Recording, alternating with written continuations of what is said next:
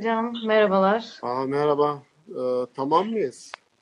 Tamamız. Heyecanla sizi bekledik. Ee, çok korktuk bir an e, canlı yayın olmayacak diye.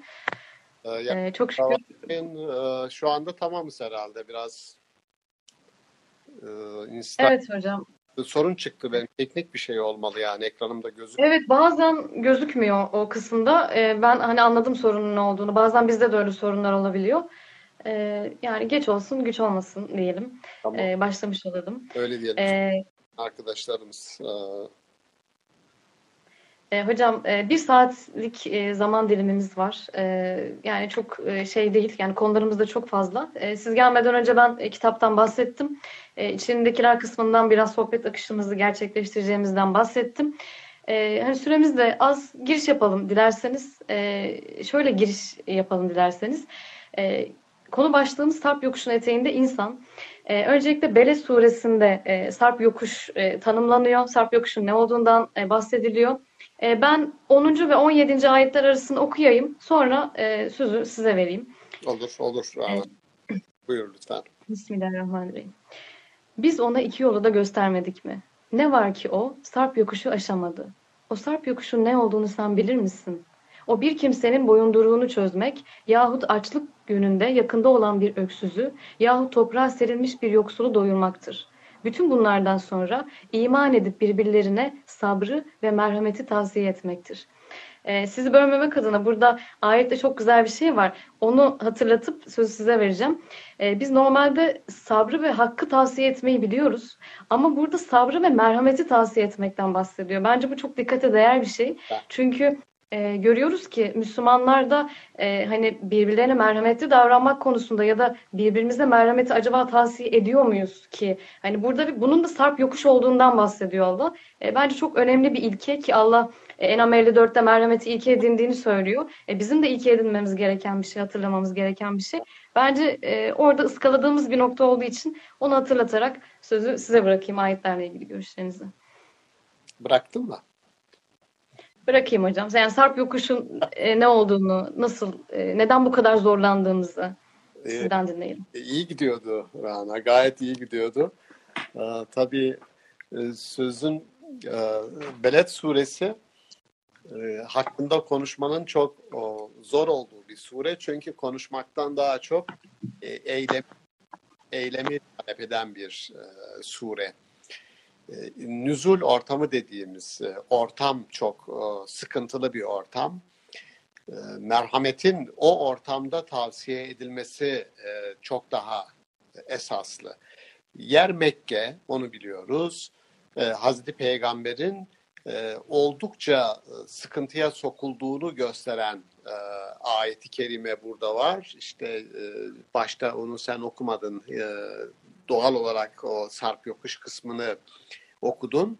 Ama ikinci ayette e, ve ente hillun bihazel beled diye. Oradaki hil kelimesi yani senin her şeyin helal hale getirilmiş. Bu şu demek bir her türlü saldırıya açık olduğun bir yerdesin. Şöyle düşünün yani e, ayeti kelimelerin Beled suresini verdiğini bir bütün olarak e, düşünüp o sarp yokuş kısmına gelene kadar aslında bir e, zemin var.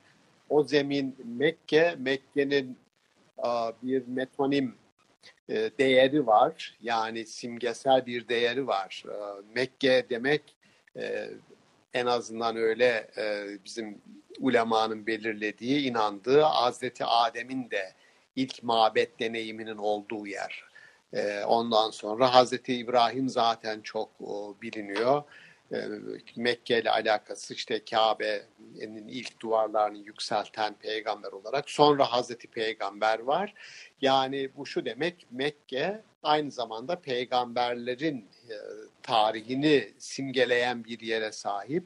Hazreti Peygamber'in bütün e, atası, dedesinin yaşadığı yer öyle bir yerdeyken, öyle bir yerdeyken birden öyle bir zafiyet yaşıyor öyle bir zaaf durumuna düşüyor ki hil dediği Kur'an-ı Kerim'in. Orada tercüme ederken e, bazı mütercimler o Mekke ki sen orada yaşıyorsun. Orada yaşıyorsun zaten orada yaşıyor. Yani o malumu ilanın alemi yok ki. O tercüme doğru bir tercüme değil kanaatim.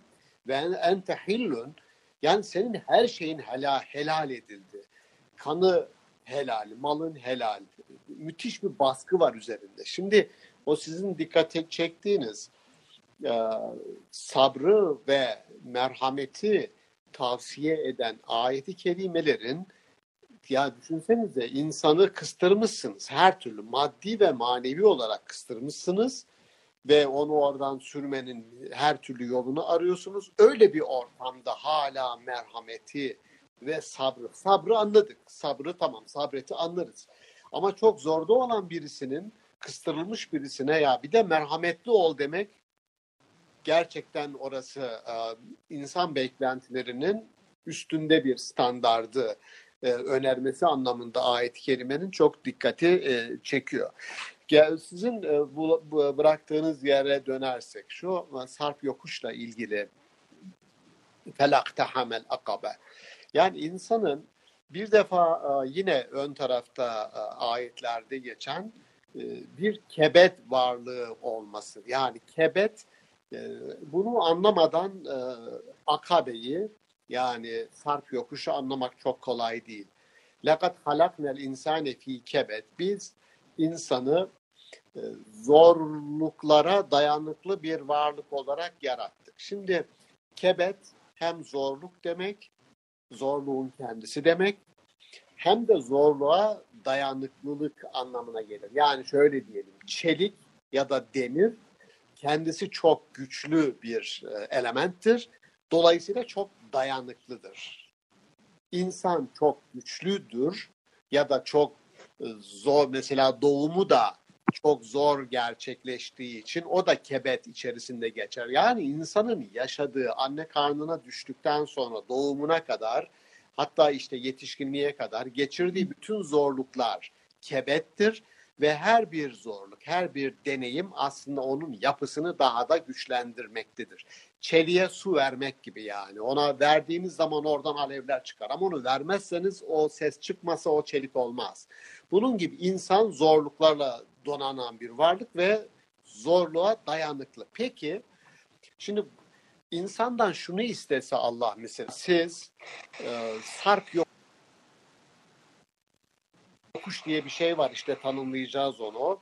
E, o sarp yokuşa bir e, çık oraya. Orada bir e, zorluk var ve o zorlukların üstesinden gelmek için teşebbüs etmen lazım.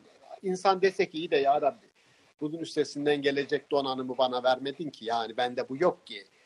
Oysa ondan önce ya yine ayetlerde geçiyor. Ya biz sana iki yolu gösterdik. Yani sana iki yolu gösterdik Necde'yi ya bir rotaya girdiğin zaman o rotanın seni nereye çıkaracağı, tarih bunun tecrübeleriyle dolu. Yani her e, insan toplu, yıkılan toplumların tarihine de bakarsanız böyledir.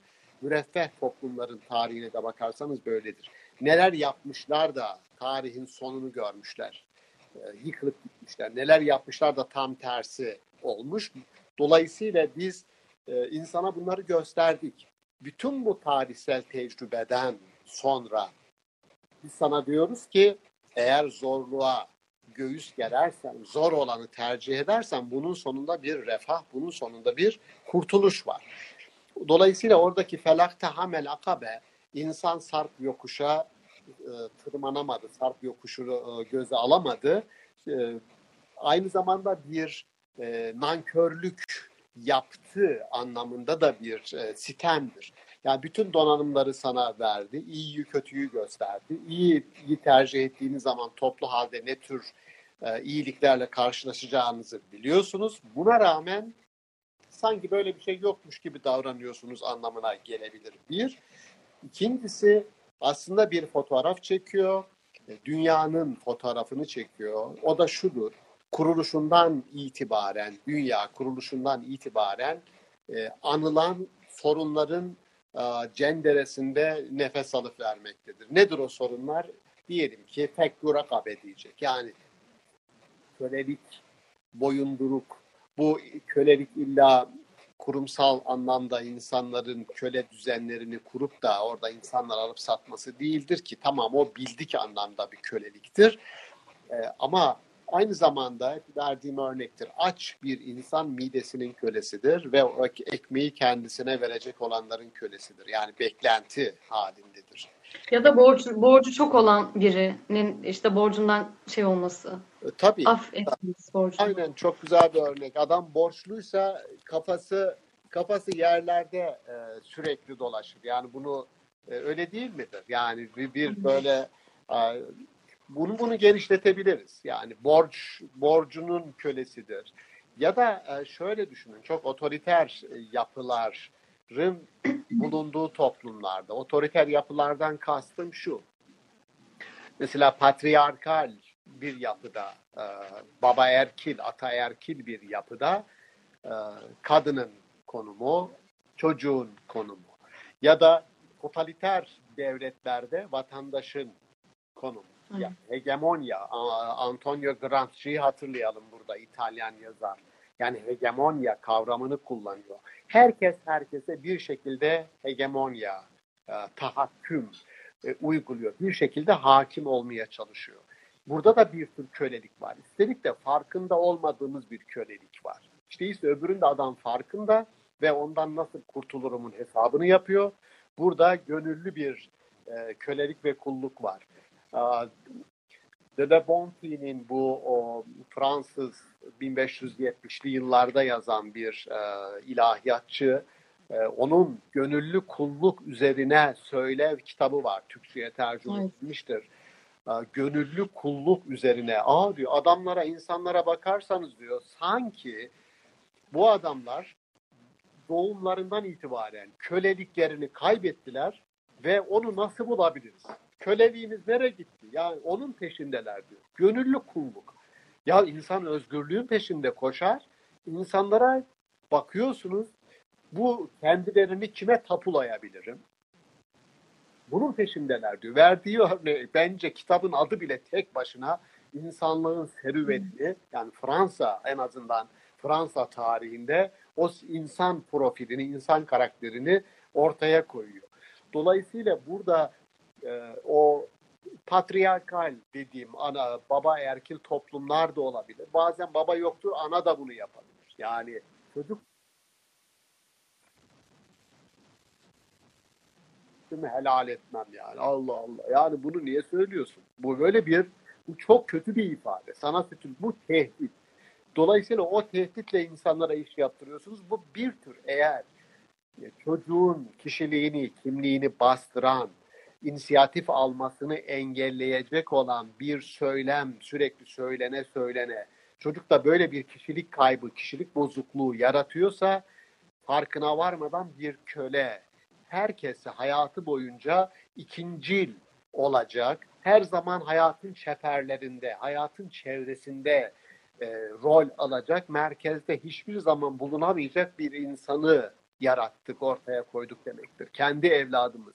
Bunun farkında bile değil. Aslında bir köle bakın, gönüllü kulluk yapabilecek bir insan meydana getirdik. Dolayısıyla Kur'an-ı Kerim'in oradaki sarp yokuş nedir? Sarp yokuş, insanlar sarp yokuşa tırmanamadı. Biz hep şöyle alırız. Genelde ilk akla gelen, mesela diyor ki nedir sarp yokuş? Bir fekkü rakabe. İnsanları boyunduruktan kurtarmaktır. Birincisi bu.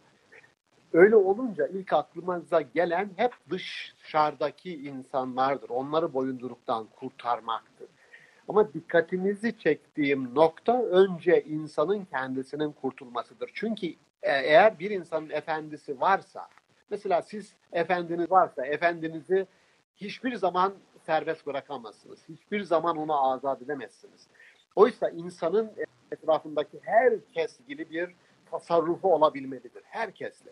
Dolayısıyla önce bir o efendiden ya da efendilerden kurtulmanız lazım. Yani bu bir önce kişinin kendi kimliğini, kendi benliğini, kendi egosunu e, ortaya koyabilmesidir. Lanetli bir kelime olarak görülür. Ego. Oysa, oysa rahmetli Muhammed İkbal e, Esrar-ı Hodi, Benliğin Sırrı kitabı var. O kitabın tepeden tırnağa bütün felsefesi e, nasıl ben olabiliriz? Hatta Hallacı Mansur biliyorsunuz e, Hallac enel dediği için tabii onun e, öldürülmesinin gerekçeleri farklı. Yani enel hak dediği için değil. Yani onun e, karmatilerle o dönemin muhalif hareketi, karmatilerle ilişkisi olduğu falan siyasi e, mülahazalarla öldürüldüğünü e, çalışan tezler var. Ama en azından biz biliyoruz ki olarak sunulan bu adam ben en yani ve enel hak. Haşa Allah'ın demek istedi falan. Muhammed İkbal diyor ki ya sen diyor ene dedikten sonra niye hakkı da yanına koyuyorsun ki? Ene deyip dursaydın ya yani orada diyor. Ene bir bir insanın ene ya ego bugün diyorum ya lanet dediğimiz bir kelime ego. Bir insanın ben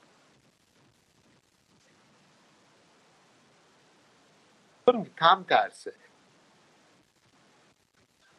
Bir insan ben dilini kullanabilmelidir. Onu kullanma cesaretini gösterebilir. Kardeş. Benim kanaatim şu. Dediğiniz zaman bir tartışmada dikkat ediniz. Çok ciddi bir tartışma. Genç bir arkadaşımız benim kanaatim bu konuda şu değil. Öyle bir sen kimsin ki senin kanaatin. Seslendirmeseler bile içeriden böyle olacak. İzin verin onun bir kanaat olsun. İzin verin o bir ben desin. Bu bence özgürleşmenin kendi bireysel kimliğini ortaya koymanın bir ön adımıdır, ön hazırlık. Onun için hep şunu söylerim. Bir çocuk, bunun altını çiziyorum e, birçok kereler. Özellikle Doğu toplumlarında, Orta Doğu toplumlarında iç ilk özgürleşme ailede olur ya da olmaz. Yani bir insanın kendini azat edebilmesi, özgürlüğünü kazanabilmesi, ömür boyu kimsenin önünde eğilmemesi, kimlik ve kişilik sahibi olabilmesinin nüveleri aile içinde ya atılır ya da aile içinde boğulur. Bunun çünkü hep çocukluğa gittiğiniz zaman görüyorsunuz bastırılmış kişilikler var. Senden adam olmaz. Ya 50 defa deseniz bir adama senden adam olmaz o adam demek ki benden adam olmaz ya bu adamlar bu kadar dediğine göre inanınız. Dolayısıyla bu önce kişinin köle azat etme dediğimiz kurumsal bir yapıdan bahsetmiyor öncelikle. Yani kölelik diye bir kurum var ve ilk işiniz e, gidiniz o köleleri azat ediniz diye ayet-i kerimenin söylediği. O sonra gelecek. Önce kendi özgürlüğünü elde eden, bunun farkında olan, özgürlüğün tadına varan, özgürlüğün tadına varan insan ancak başkaları da bunun tadına varsın diyebilir.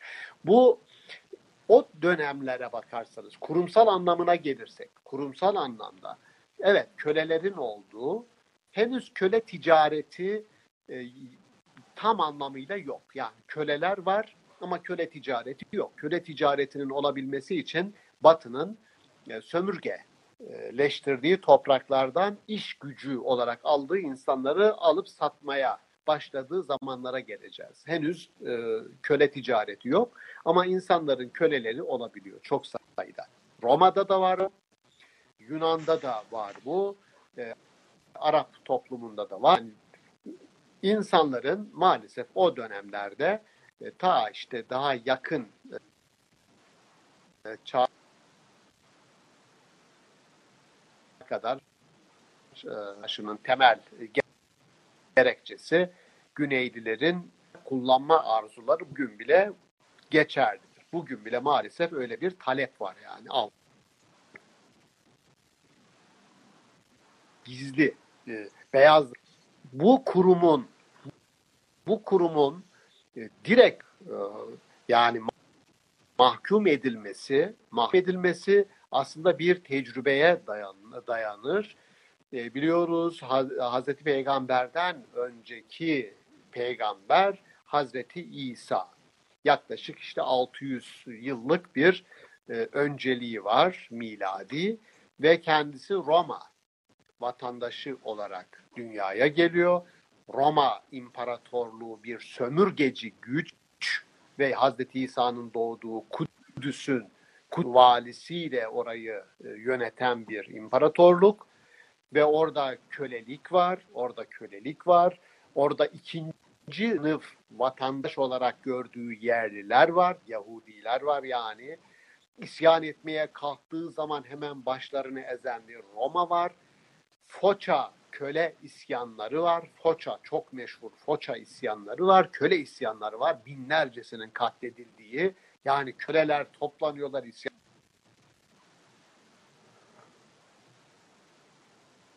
Ben, benzer bir isyan isyanı olarak Zenci oradan geliyor. Zenc isyanı olarak Hazreti Peygamber'den sonra e, gerçekleşmiştir. Yine köle toplumunda da olmuştur. Köleler bu düzeni bir şekilde yıkmamız gerekiyor diyor. Şimdi bunu insan arzu ediyor.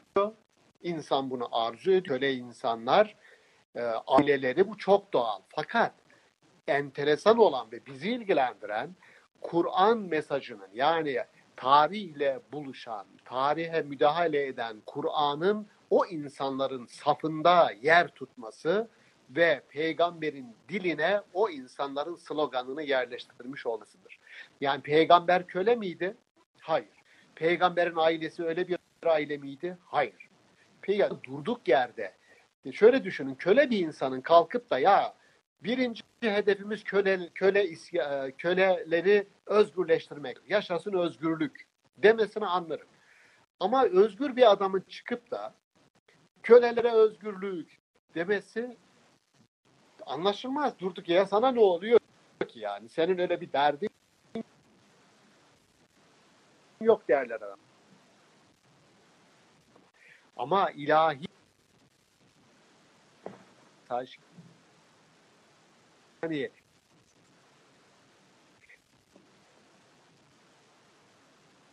o mesajın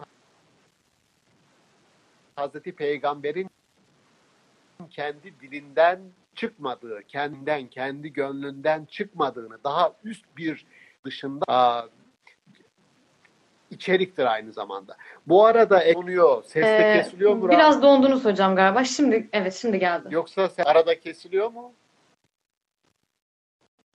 Yani arada kesiliyor ama sesiniz gitmiyordu. Şimdi biraz daha kesildi gibi oldu. Ben arada yorumları açıyorum.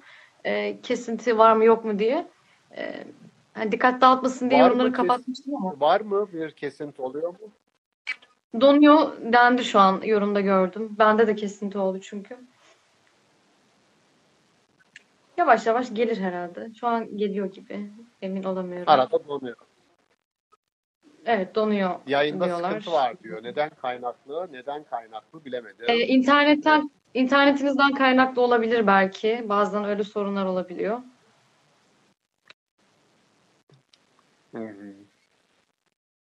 Şu an düzeldi aslında.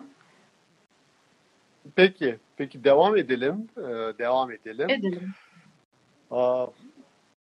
Söylediğim şuydu, o kölelere özgürlük e, sloganının Hazreti Peygamber'in dilinden dökülmüş olması, köle olmayan bir insanın köleleri kurumsal anlamda köleliği kaldırma teşebbüsü o ayetleri içerik olarak Hazreti Peygamber'in kendi inisiyatifinde olmadığı derler. Bazen öyle iddialar vardır ya oturdu Kur'an'ı kendisi yazdı diye.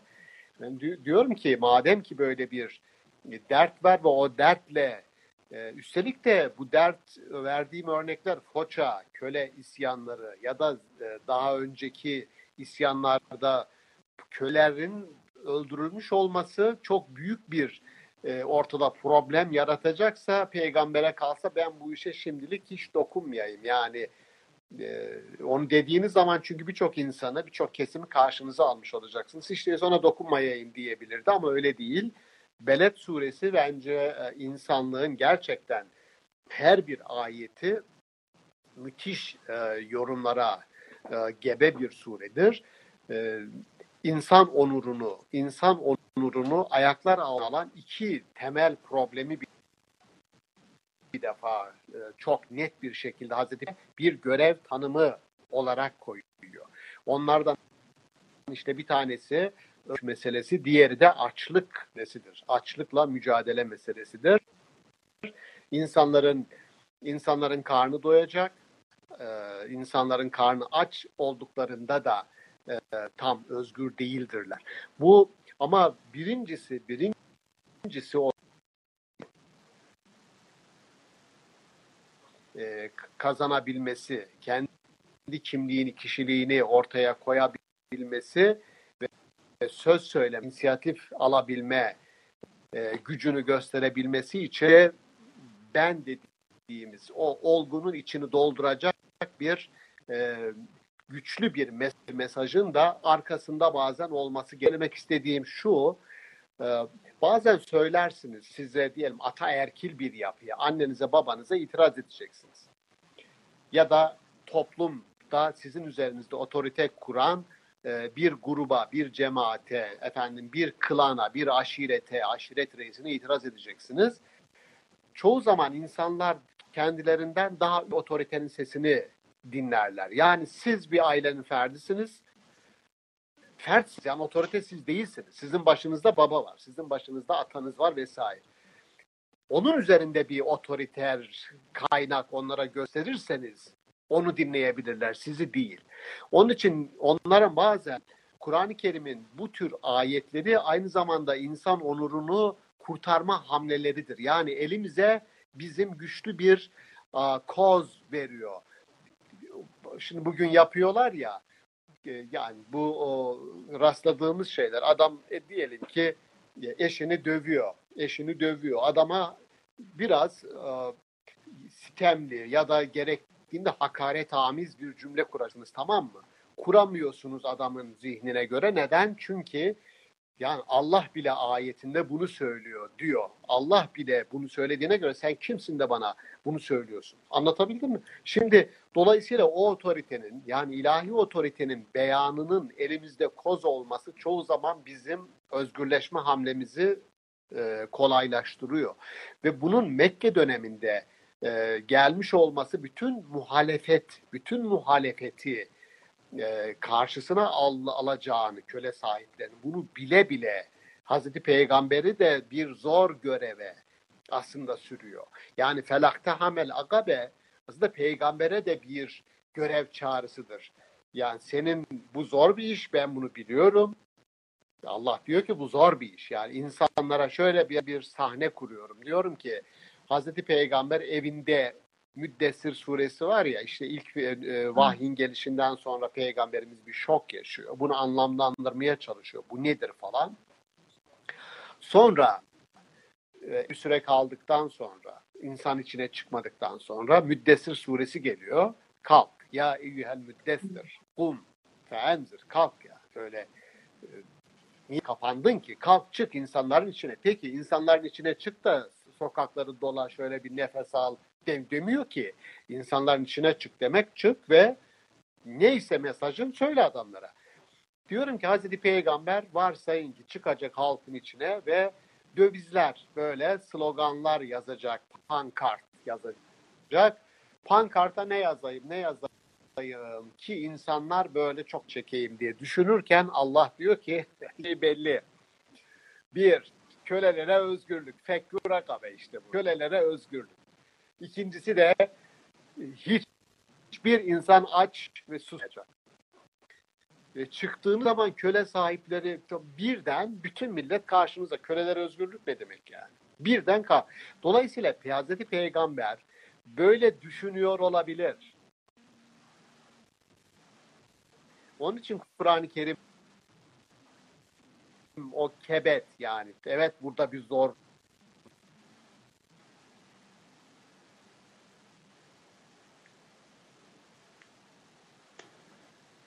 zorluk var ama her zorluğun içinde de bir kolaylık var. Dolayısıyla o zor Ee, Rana geliyor mu ses? Geliyor hocam, evet. Vay bugün nasıl bir sarp yokuşa sürdük kendimizi de arkadaşlarla. Biraz zorlu oldu maalesef Aa. hocam. Ya bugün Instagram, Instagram bize komplo kuruyor. Nazar yazmış bazı arkadaşlar da bu nazarın yeni adı komplo. Evet. Diğer yayını kaydettim ben. İnşallah devam edebildiğimiz kadar e, devam edelim. Peki şu an şu an sıkıntı yok değil mi? Şu an gayet iyi hocam. Tamam. Sıkıntı yok. Aa, bir şeye dikkat çekmek istedim. Aa, bu sarp yokuş sarp yokuşla ilgili e, beş unsur öne çıkmış olmakta ayetlerde. Bunlardan bir tanesi özgürlük meselesiydi. Diğeri açlıkla mücadele meselesi. Ondan sonra bunları çözdükten e, sonra e, geliyor sümme kısmı. Sümme kâne minellezine amenu ve tevasav bil sabri ve tevasav bil merhame. Bunun yalnız e, ilginç bir şey var. Burada bir diğer üç unsuru önce söyleyeyim. Bunlardan bir tanesi e, sümme kâne minellezine amenu. Şimdi iman kelimesini ağırlıklı olarak biz iman bildiğimiz anlamda iman olarak tercüme ediyoruz. Fakat onu ağırlıklı benim tercümem e, güven ortamı yaratmak şeklinde. E, birbirini dışlamıyor. Yani Allah'a olan iman yanında Allah'a olan güven. Yani sana inanıyorum dediğiniz bir kişi ya aslında kastınız nedir? Sana inanıyorum, sana güveniyorum. Yani size bir söz söylüyor, sana inanıyorum diyebilmeniz için onun doğru söylüyor olduğuna önce güvenmeniz gerekir. Dolayısıyla iman ve güven iç içe. Buradaki e, ama imanı Allah'a inanıyorlardı olarak burada almaktan ziyade insanların önce bir güven ortamı yaratma, güveni hakim kılma, herkesi güven halkası, güven halesi içerisine alma gibi bir e, emel, bir ümitleri olmalıdır. Güven kategorisinin e, e, güven kategorisinin hayat bulması gerekir. Arkasından bu bir, e, arkasından e, arzu edilen e, ve tevasav bis sabri, arkasından sabrın insanlar arasında birbirine e, tavsiye edilebilen bir şey olması. Şimdi bu enteresandır. Bu tavsiye kavramı Kant felsefesinde e, çok ağırlıklı bir yer tutar tavsiye. Şöyle diyor Kant, diyor ki öyle davranınız ki bu davranışınızı başkasına da tavsiye edebilirsiniz. Yani başkasına tavsiye edemeyeceğiniz bir davranışı yapmayınız. Bu ne kadar önemli bir şey söylüyor. Bakın başkasına yani şöyle hırsızlık yapan bir adam başkasına diyebilir mi? Kardeşim sana da tavsiye ederim git hırsızlık yap. Hayır çünkü onu gizli yapar. Yüz kızartıcı bir şeydir. Hiç kimse görmesin, duymasın şeklinde yapar bunu. Ya giderken bir yerden araklamış mesela masanın üstünde çekmiş bir şey koymuş. Kimse görmesin çünkü utanç verici. Tamam. Kimseye tavsiye edemez. O zaman bunu yapma diyor. Dolayısıyla buradaki tavsiye insanların birbirine tavsiye edebileceği bir erdem olarak sabır, bir erdem olarak sabır şu demek tedavülde olması gereken, insanlar arasında dolaşımda olması gereken, dillerde, gönüllerde olması gereken bir kavram. Çünkü tavsiye sana sabrı tavsiye ediyorum. Bu şu demek değil. Yani adam orada büyük bir çile çekiyor senden yardım istiyor. Sen de diyorsun kardeşim ben sana sabretmeyi tavsiye ediyorum. Ya bu, bu şu demek senin derdin beni hiçbir şekilde ilgilendirmiyor. Doğru mu? Bu, bu sabır o sabır değil. Ve tevasal ifadesi tevasal karşılıklı olarak insanların birbirine önerebileceği bir, dillerinden düşürmeyecekleri bir değer. Peki sabır nedir? Sabır ucunda ümit olan, ucunda ışık olan bir zorluğa, zorluğa direnmedir. Bir zorluğu göğüslemedir. Dikkat edin, önünde bir ışık var. Tünelin ucunda ışık varsa bu sabırdır. Aksi halde ona biz tahammül diyoruz. Tahammül çok negatif bir kelimedir. Tahammül olumsuz bir kelimedir. Sabır Kur'an-ı Kerim'de olumlu bir kelimedir. O sabrı ben bir tür e, aşılama olarak e, tercüme ediyorum, yorumluyorum. O da şu, bir insan küçük küçük e, imtihanlarla, küçük küçük e, sınamalarla, belalarla karşılaşabilir hayatında. Küçük küçük. Şimdi onlara onlarla karşılaşa karşılaşa, onlara direnç göstere göstere, göstere göstere bir tür pat patoloji yani alıyorsunuz patojenik e, nesneler vücudunuza alıyorsunuz. Küçük küçük, küçük küçük vücut onlarla mücadele ede ede direnç geliştiriyor. Sonra çok büyük bir darbe, çok büyük bir travma aldığı zaman sarsılmıyor. Çünkü vücut alışmıştı. Yani travma dediğimiz şey aslında o küçük küçük alışmalar olmadığı için darbe gelince küt diye birden indiriyor. Sabır dediğimiz o eğitimdir. Sabır eğitimdir. Yani sabır eğitimi diye bir şeyden bahsedebiliriz. Bir tür aşılama programı gibi yani sabır eğitimi. Ama unutmamak lazım sabır dediğimiz olayın sonunda bir mutlaka ümit vardır. Tünelin ucunda bir ışık vardır ve büyük bir e, erdemdir. Allah sabredenleri sever diye bir ifade var. Yani Allah'ın sevgi halkası içerisinde yer alan bir grup. Bu, üstelik de tavsiye, başkasına da tavsiye edebileceğimiz bir erdem. Diğeri merhamet, üçüncü, bu ikinci grubun üçüncü erdemi. Yani birincisi güven ortamı. Ya, akabe neydi? Sarp yokuş, sarp yokuş dedik ki unutmayalım. Bir, sarp yokuş dediğimiz şey özgürlük mücadelesi vermek ve özgürlük mücadelesi verenlere destek olmak. İkincisi açlıkla mücadele etmek ve açlık çeken insanların e, bu e, kölelikten, açlık e, açlığa köle olmaktan onları kurtarmak. Üçüncüsü güven toplumu yaratmak için ne gerekiyorsa yapmak. Dördüncüsü e, sabrı insanlar arasında hakim e, olabile, olacak bir erdem haline getirmek. Sürekli onun e, tavsiyesini yapmak. Bu tavsiye kitaba yazarsın tavsiye olur, hutbede okursun tavsiye olur ama erdem olarak onun e, pazarlamasını tabirimi mazur görün yapacaksınız. Ve sarp yokuş nedir beşinci sarp yokuş? Merhamet aynı şekilde merhameti insanlara bir erdem olarak önereceksiniz, tavsiye edeceksiniz. Zor olanlardan bence en büyük zorluklardan birisi bu merhamet. Yani Hı. düşününüz e, merhameti e, bizim toplumumuzda nasıl bakılır? Merhamet edersen merhamete muhtaç hale gelirsin derler. Merhamet merhamet edersen yani birisine acıdın adam geldi sana diyelim bir çalışanınız e, çok böyle ihmalkarlık yaptı diyelim işinden bir şeyler oldu. Sonra şikayet oldu. Adam sizde geldi yalvardı yakardı ne olur falan. Siz de merhamet ettiniz. Diyor ki eğer merhamet edersen adama sonra merhamete muhtaç hale gelirsin. Yani çok katı formda e, biletini keseceksin yani. Şimdi oysa Hazreti Peygamber'in dilinde e, merhamete yapılan tanım şu aynı durumda Men la yarham la yurham. Merhamet etmeyene merhamet olunmaz. Yani orada da tam tersini söylüyor. Aynen ayete paralel bir e, sözdür.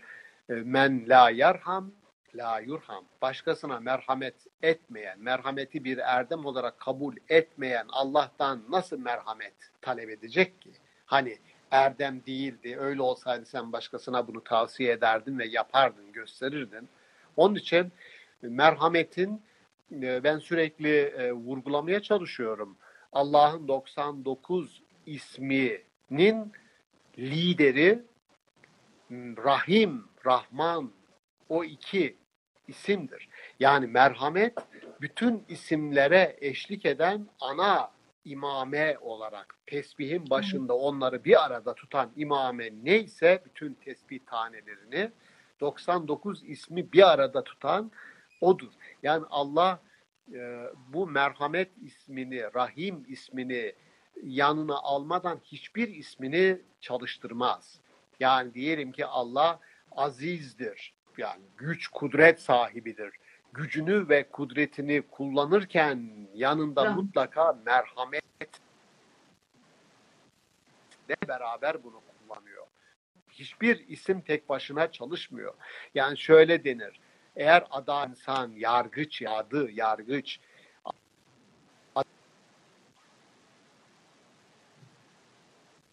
adaleti dağıtırken, adalet hükmederken tecelli etmeyebilir diyor. O zaman tecelli etmeyebilir. Onun için orada orada ilginç bir modelleme olduğunu görmemiz lazım. O modelleme e, Allah'ın isimleri arasındaki o modelleme gibidir. E, sizin oradaki davranış modu yani Rahim, Rahman ismi nasıl bütün isimleri aktif hale getirirken onları yönlendiriyorsa, diğerleri onların ışığında, o iki ismin ışığında, onların gölgesinde e, yol alıyorsa, merhamet mümin insanların davranışlarında ana belirleyici nitelik olmalıdır. Adalet değil. Ben bütün yazılarında usul, metodoloji olarak hep onu söyledim, onu hala söylüyorum.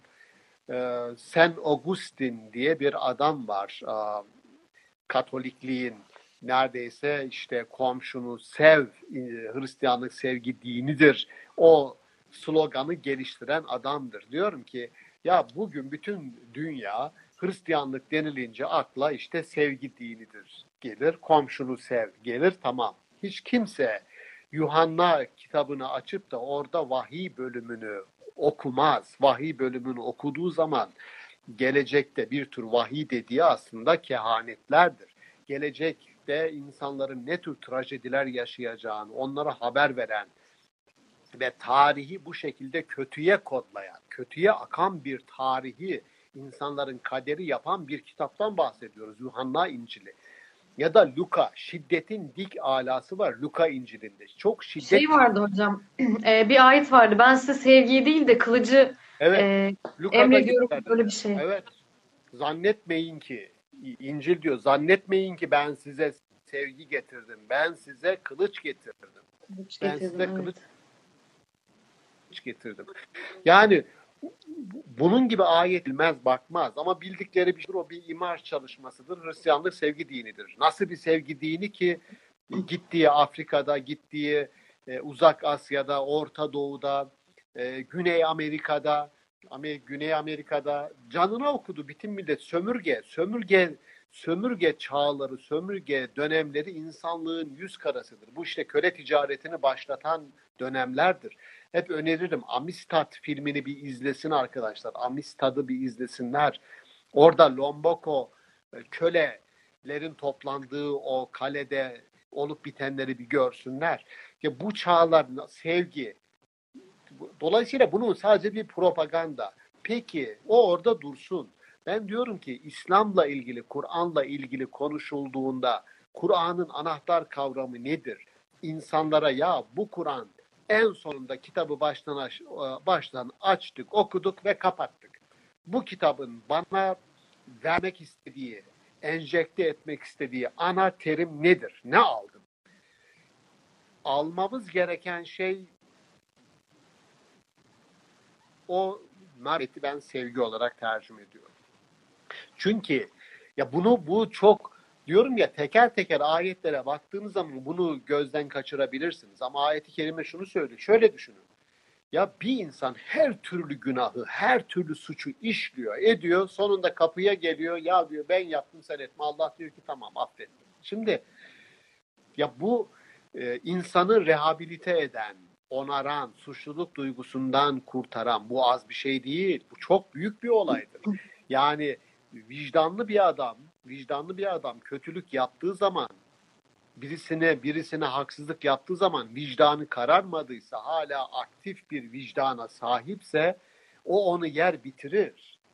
Ama Allah onu bu buradan temizliyor, onu arındırıyor, rehabilite ediyor, onarıyor. Çünkü insan böyle bir varlık ve durmadan kapısına geldiğiniz bir varlık.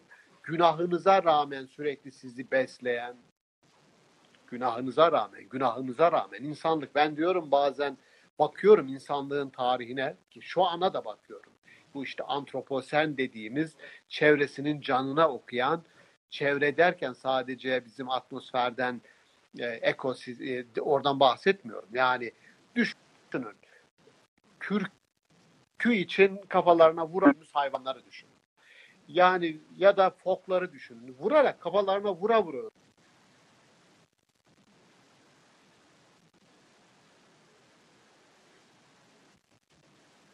varlık. Şimdi böyle bir varlık. Aa, yani ya da şu işte pandemide yaşadıklarımıza bir bakın lütfen pandemide. İnsan bunu hak ediyor mu ya? Bütün insanlar ağızlarını burunlarını kapamışlar birbirlerinden uzak yabani varlıklar gibi çok affedersiniz yabani varlıklar gibi birbirinden kaçar bir şekilde yaşıyoruz. Bunu kim yarattı? Bunu insanların kendisi yaptı. Çinliler mi laboratuvarda üretti? Amerikalılar mı üretti? Ama biyolojik silahlar diye bir şey var. Ben askerliğimi nükleer ve biyolojik silahlar e, okulunda yaptım. İstanbul'da tercüman olarak yaptım. 20 sene önce biyolojik silahlarla ilgili kitap tercüme ettim. E, askeriye verdim. Nükleer silahlar, biyolojik silahlar ve kimyasal silahlar. Ya bu silahlar var. Biyolojik silah diye bir şey var ve bu mikroplar, virüsler de o işin bir parçası. İlk defa bu kadar büyük çapta insanlığı esir aldı. Ama insanlar zaten biyolojik silah için laboratuvarlar kurdular. Var, üretiliyor. Ve bunun tercümesini diyorum ya ben yaptım yani. Şimdi ya başka insanları öldürmek için siz bütün teknolojileri geliştirin. İnsan öldürmek için hayvanlar yetmedi. Ben diyorum ki Allah, Allah'ın kurduğu düzene bakın. Kozmik düzene bir bakın Allah aşkına. Yani güneş, ay, yıldızlar, denizler, dağlar, yeşillikler, oradaki hayvanlar muhteşem bir sistem. Her şey Allah'ı tesbih ediyor. Kur'an-ı Kerim onu söylüyor. Tesbih. Herkes, bütün varlıklar, tırtılından kelebeğine kadar her şey kendi misyonunu icra ediyor. Muhteşem. Bir varlık bu akışın canına okuyor. Bir varlık, tek varlık. Ta tahmin et Rana kim bu? ya ya işe bakar mısın? Varlığın tesbih kelimesi e, Kur'an-ı Kerim'de e, tesbih akışkanlık demek. Akar, tesbih. Sisteme uygun hareket etmek. Yusebbihu men fis semavati. Sisteme Efendim? uygun hareket etmek. Tabii Tesbih. akacak. Her şey canlı.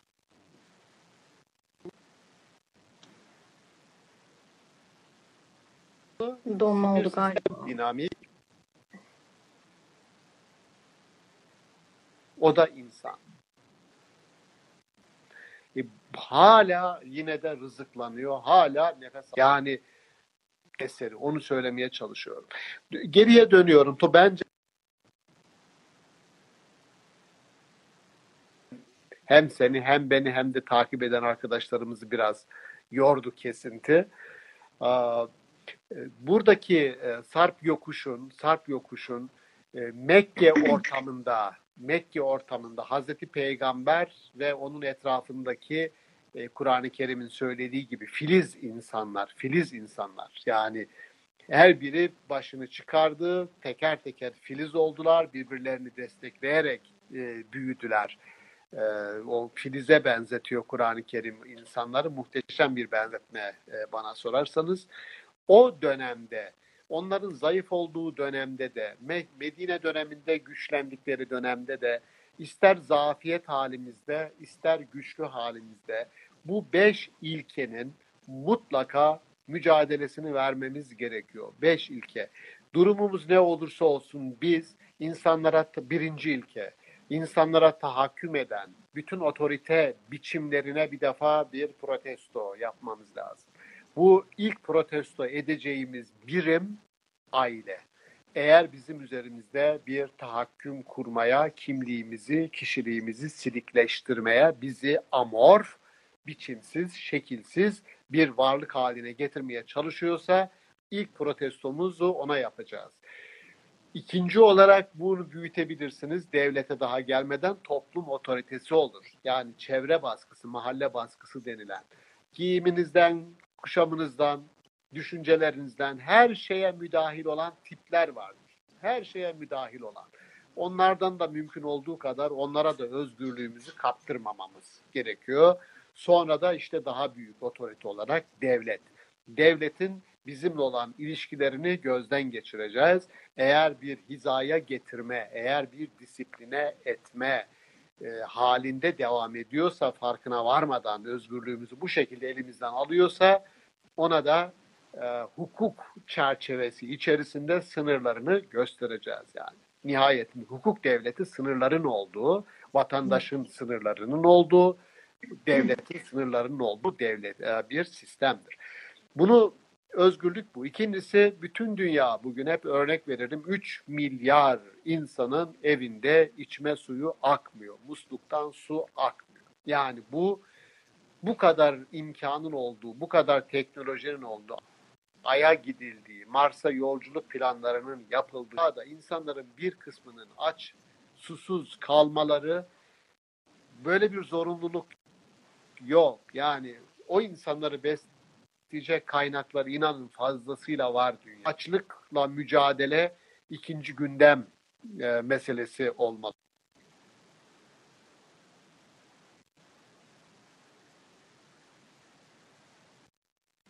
Üçün, son üç unsuru da son üç unsuru da hızlı hızlıca e, sayıp e, yayını senle beraber kapatalım e, istiyorum. Üç unsur da sadece hızlı bir şekilde sabrı egemen bir erdem olarak göstereceğiz. Güven toplumunu ki bugün Türkiye'de güven endeksi maalesef diplerde, hukuka güven diplerde, efendim doktora güven diplerde, imamımıza güven diplerde. Yani hiç kimse, hiç kimse bu işten yakasını kurtarabilmiş değil. Güven endeksi maalesef diplerde. Dolayısıyla neden Kur'an-ı Kerim sabrı, güveni ve merhameti sarp yokuş olarak önümüze koyuyor? Çünkü bunlar bütün toplumların tarih boyunca e, ilişkilerinde en az yer verdikleri kurucu kavramlar. İşe bakın. Kurucu kavram olmazsa olmaz, güven olmazsa olmaz, aşılama, sabır aşılaması olmazsa olmaz. Çünkü her an bir zorlukla karşılaşabilirsiniz. O olması olmaz. Merhamet olması olmaz. Yani size ters bakan, yan bakan bir adama tamam kardeş deyip geçemeyip de hemen çevirip de sen bana yan baktın kardeş falan böyle bir toplum olacaksak bu çok vahşi bir toplum olur. Yani merhamet çoğu zaman e, hiyerarşik olarak üste çıkma teşebbüsüdür. Yani merhamet budur. Çünkü merhamet eden hiyerarşik olarak her zaman üstün, üsttedir. Tartışmasız. Bağışladığınız zaman, görmediğiniz zaman üste çıkarsın. Yani trafikte adam sana zorluk mu çıkarıyor? Hiç cevap ver.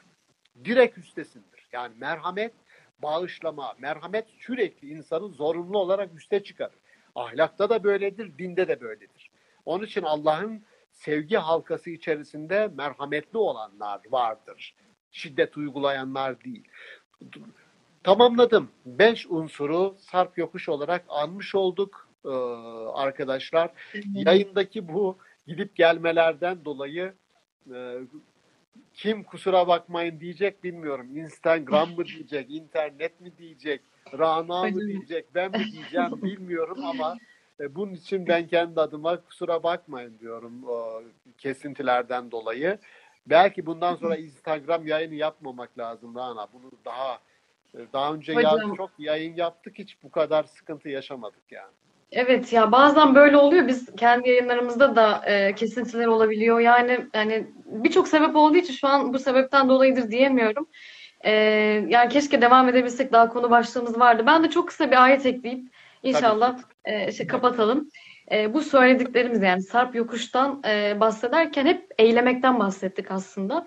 E, çok önemli bir ilke var Kur'an'da ve sürekli ayetlerde tekrarlanıyor.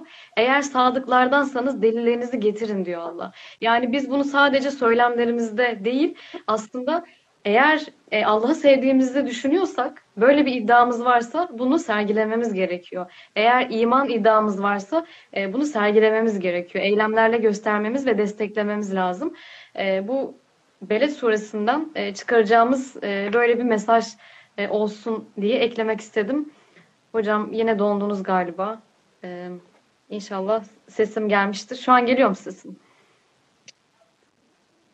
Bitirmiştim zaten. Rana donmanın donmanın nasıl bir şey olduğunu, nasıl bir şey olduğunu şimdi görmüş oldum. Bak. Evet, sesin gerçekten çok nasıl bir şey olduğunu gördüm. Ke- evet, çırpındım burada biraz. gitti. Evet, gitti. evet. E, Çok teşekkür ederiz hocam e, yayına katıldığınız için. Bizi Sağ kırmadınız. olun. Daha daha sağlıklı bir ortamda inşallah iletişim kurmak dileğiyle. Arkadaşlardan tekrar kusura bakmasınlar. Bu kadar gelişmiş teknolojiyle niye böyle bir e, yayın oldu bu akşam? Kesin bir komplo var diyelim. Kesin bir komplo var. Evet. Ben teşekkür Evet. ediyorum. Arkadaşlara da katılımları için çok müteşekkiriz. Sağ olsunlar. beraber bir ortam paylaşmış olduk. Evet, hoşça kalın hocam. Ben yarın kaydediyorum. Görüşmek üzere. Sağ olun. Hoşçakalın.